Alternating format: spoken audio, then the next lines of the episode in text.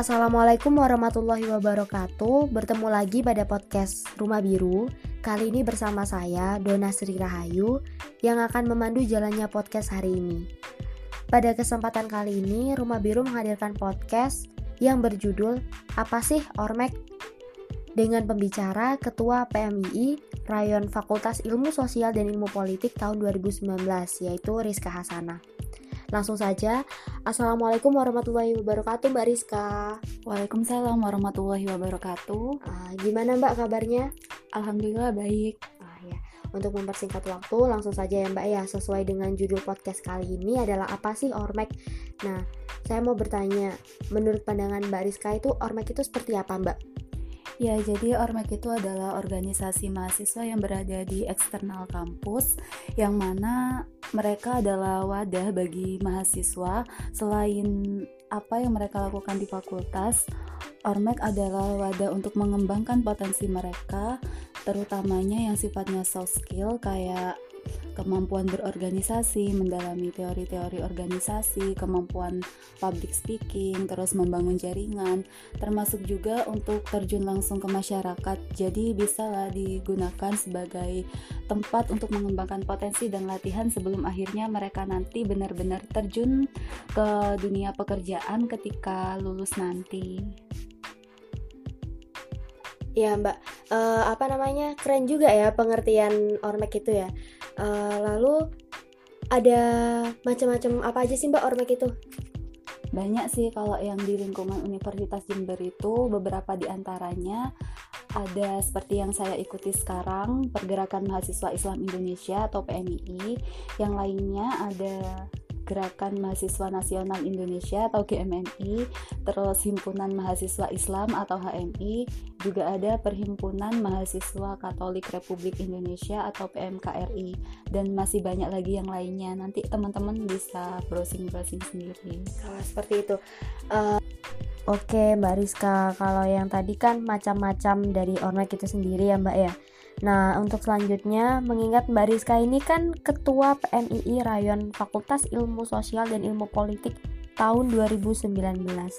Saya mau bertanya nih Mbak, uh, eh, PMII ini apa sih Mbak? Seperti itu.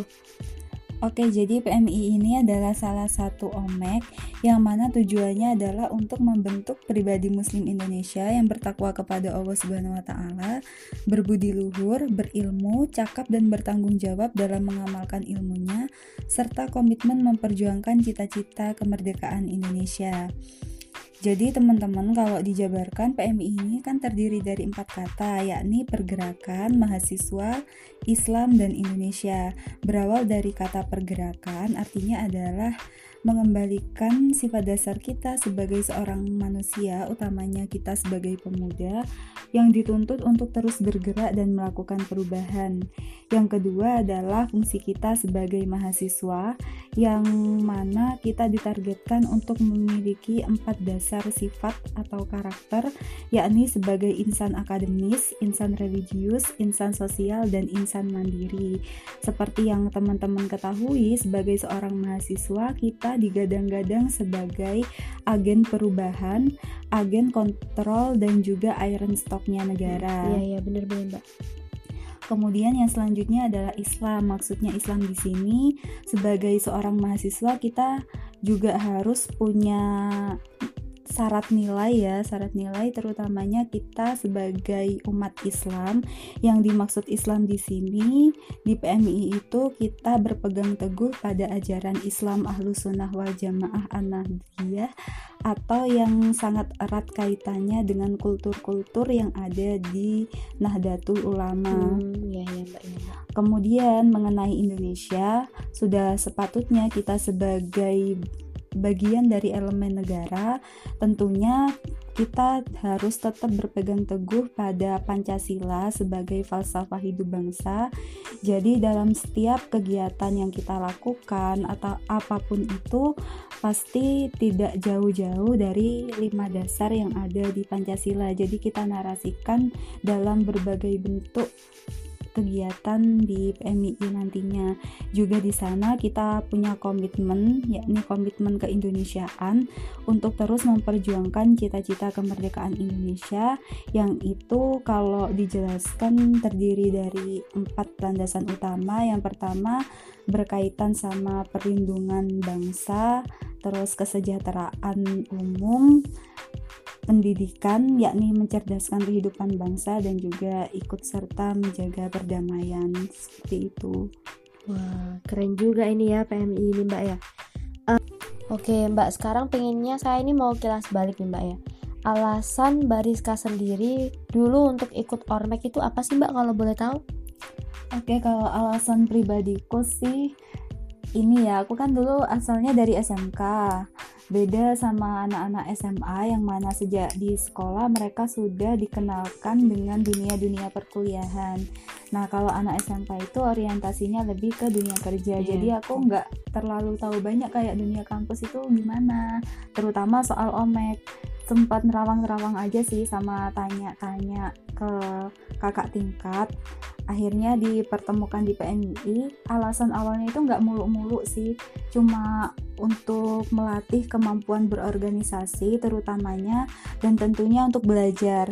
Juga untuk mengisi waktu-waktu luang kita di sela karena sebagai seorang mahasiswa kita nggak cuma belajar-belajar aja yang habis itu pulang atau main-main akan sangat disayangkan kalau waktu kita cuma digunakan untuk hal-hal seperti itu.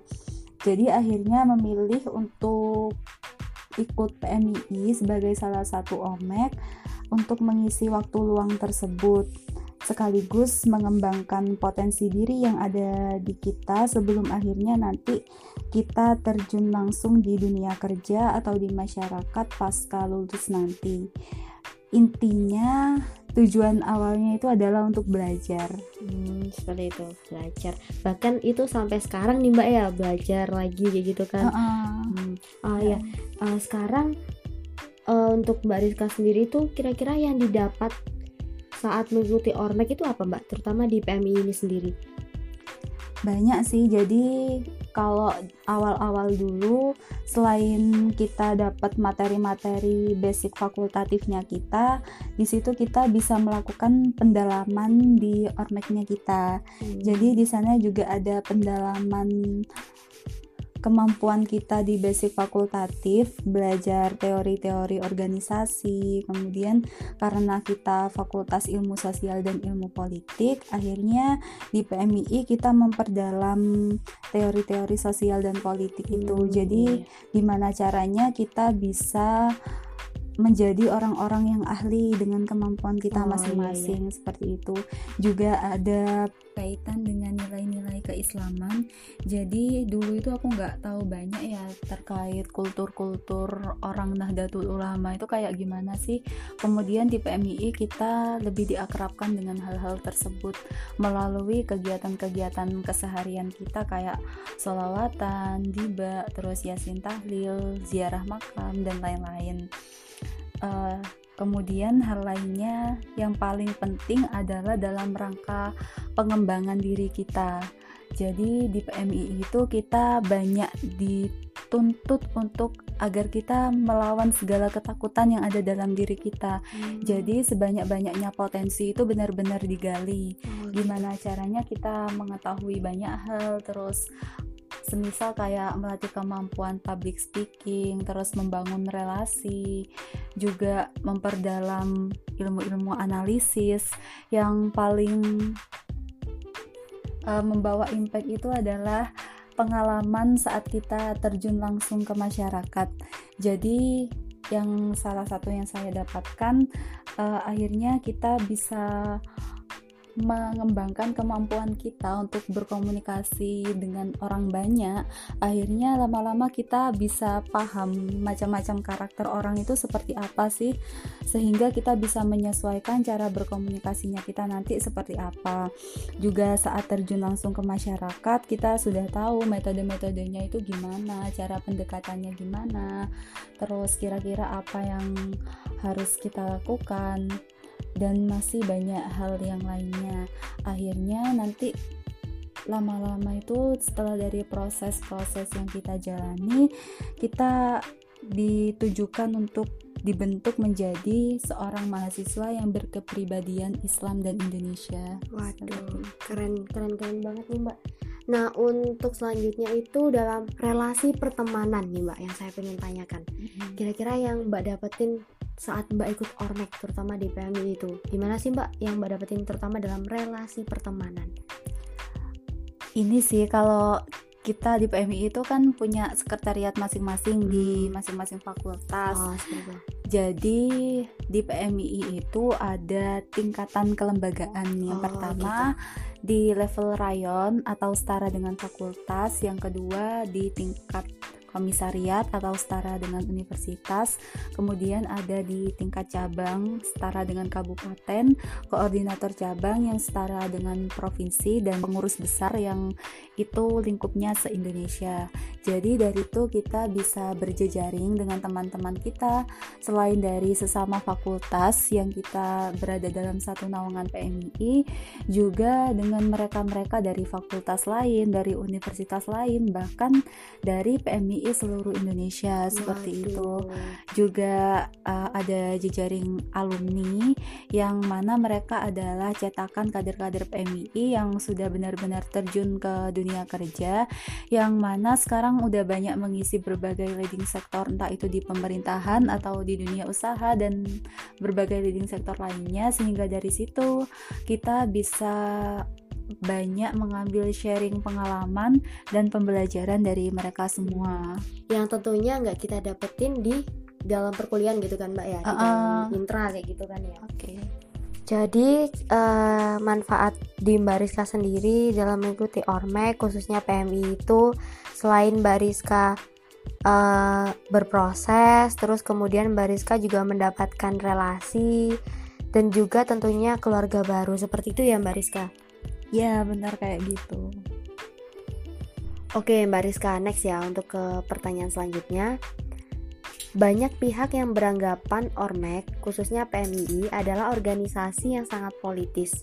Selain itu juga beredar anggapan bahwa fungsi adanya PMI ini hanya untuk menguasai jabatan-jabatan strategis di kampus yang melanggengkan oligarki dan menutup peluang bagi mahasiswa non ormek kayak gitu mahasiswa yang anti ormek untuk berproses di organisasi internal kampus Lalu gimana sih tanggapan dari Mbak Rizka sendiri tentang pernyataan yang demikian?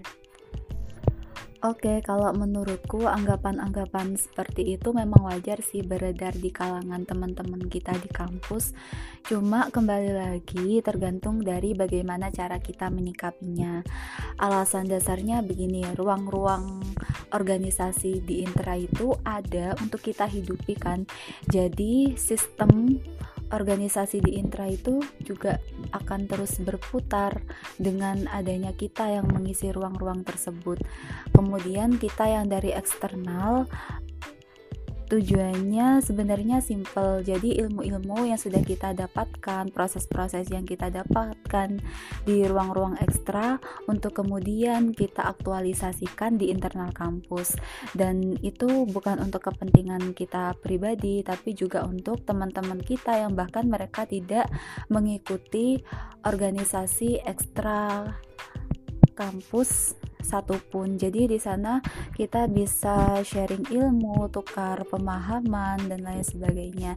Sebenarnya banyak hal-hal positif yang bisa kita petik.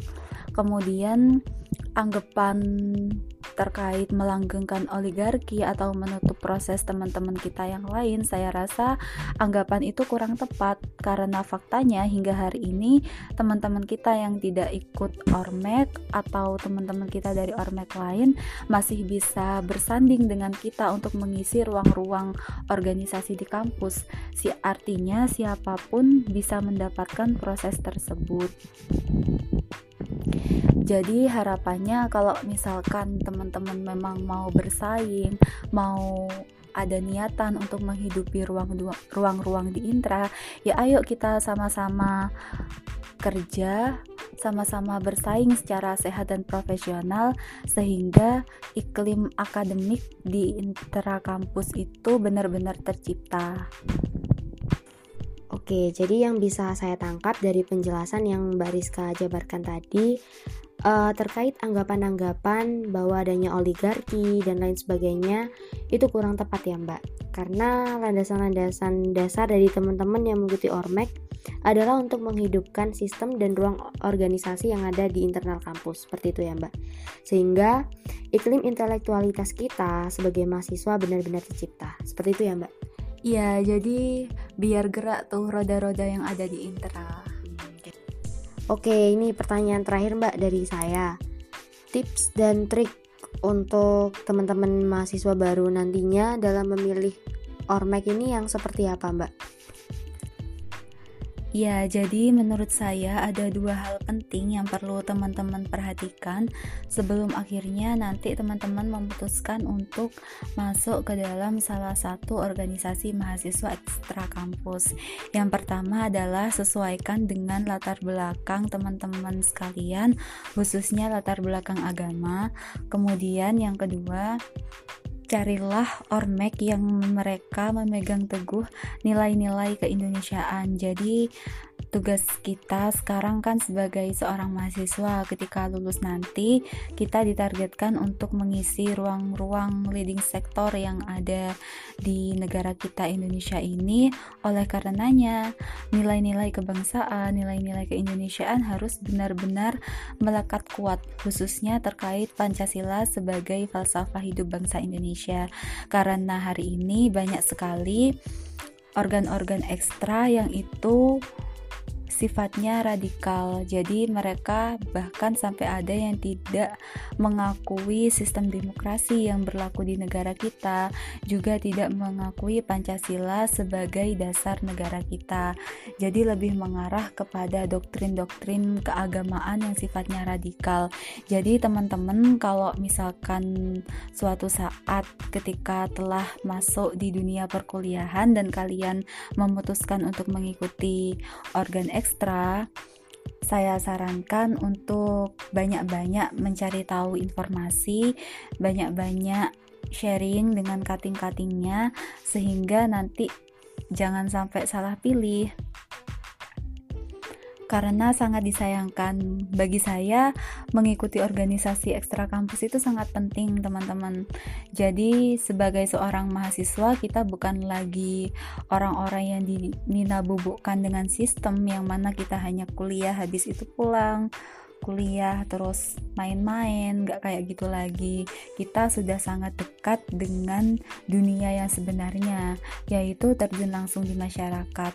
Harapannya karena di ruang-ruang eksternal itu kita juga dikenalkan dengan bagaimana kita memperjuangkan hak-haknya masyarakat kemudian terjun langsung pengabdian yang itu sangat bermanfaat bagi kita untuk dunia kerja nanti. Sehingga harapannya orang-orang yang nantinya mengisi masa depan bangsa ini tidak hanya mereka yang terlahir karena privilege orang tuanya yang yang mana mereka sudah punya hak istimewa untuk mengisi ruang-ruang tersebut.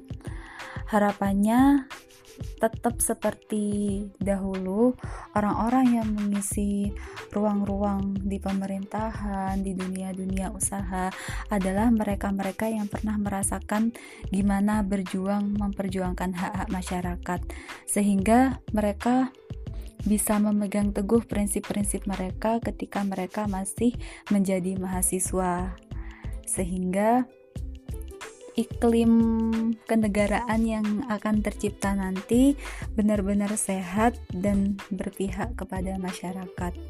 Itu aja sih. Oke, jadi tips dan trik dari Mbak Rizka ini sebelum kita memilih Ormek, khususnya bagi teman-teman mahasiswa baru, perhatikan dua hal yang terpenting. Yang pertama yaitu latar belakang, terus yang kedua adalah yang sesuai dengan nilai-nilai kebangsaan. Seperti itu ya Mbak Rizka? Ya, kira-kira begitu. Oke nih, terakhir nih Mbak, mungkin dari Mbak Rizka bisa memberikan closing statement pada podcast kali ini mengingat uh, waktu yang kita miliki semakin menipis seperti itu Mbak. Oke, jadi manfaatkan masa kuliah teman-teman dengan sebaik-baiknya. Jangan takut untuk mengikuti organisasi mahasiswa ekstra kampus karena di sanalah teman-teman akan ditempa, akan mendapatkan proses-proses di luar pembelajaran masa kuliah dan manfaatnya akan sangat besar ketika teman-teman nanti akan terjun di dunia kerja pasca lulus nanti uh, melalui organisasi mahasiswa ekstra kampus. Kalau teman-teman benar-benar mau menekuni prosesnya, insya Allah nanti akan tercetak teman-teman sebagai seorang mahasiswa yang berkarakter, teguh prinsip, daya intelektualitasnya kuat, dia kaya akan pengalaman. Jadi selamat berpetualang di dunia perkuliahan dan carilah sebanyak-banyaknya pengalaman. Oke, terima kasih Mbak Rizka. Sekian dari saya dan Mbak.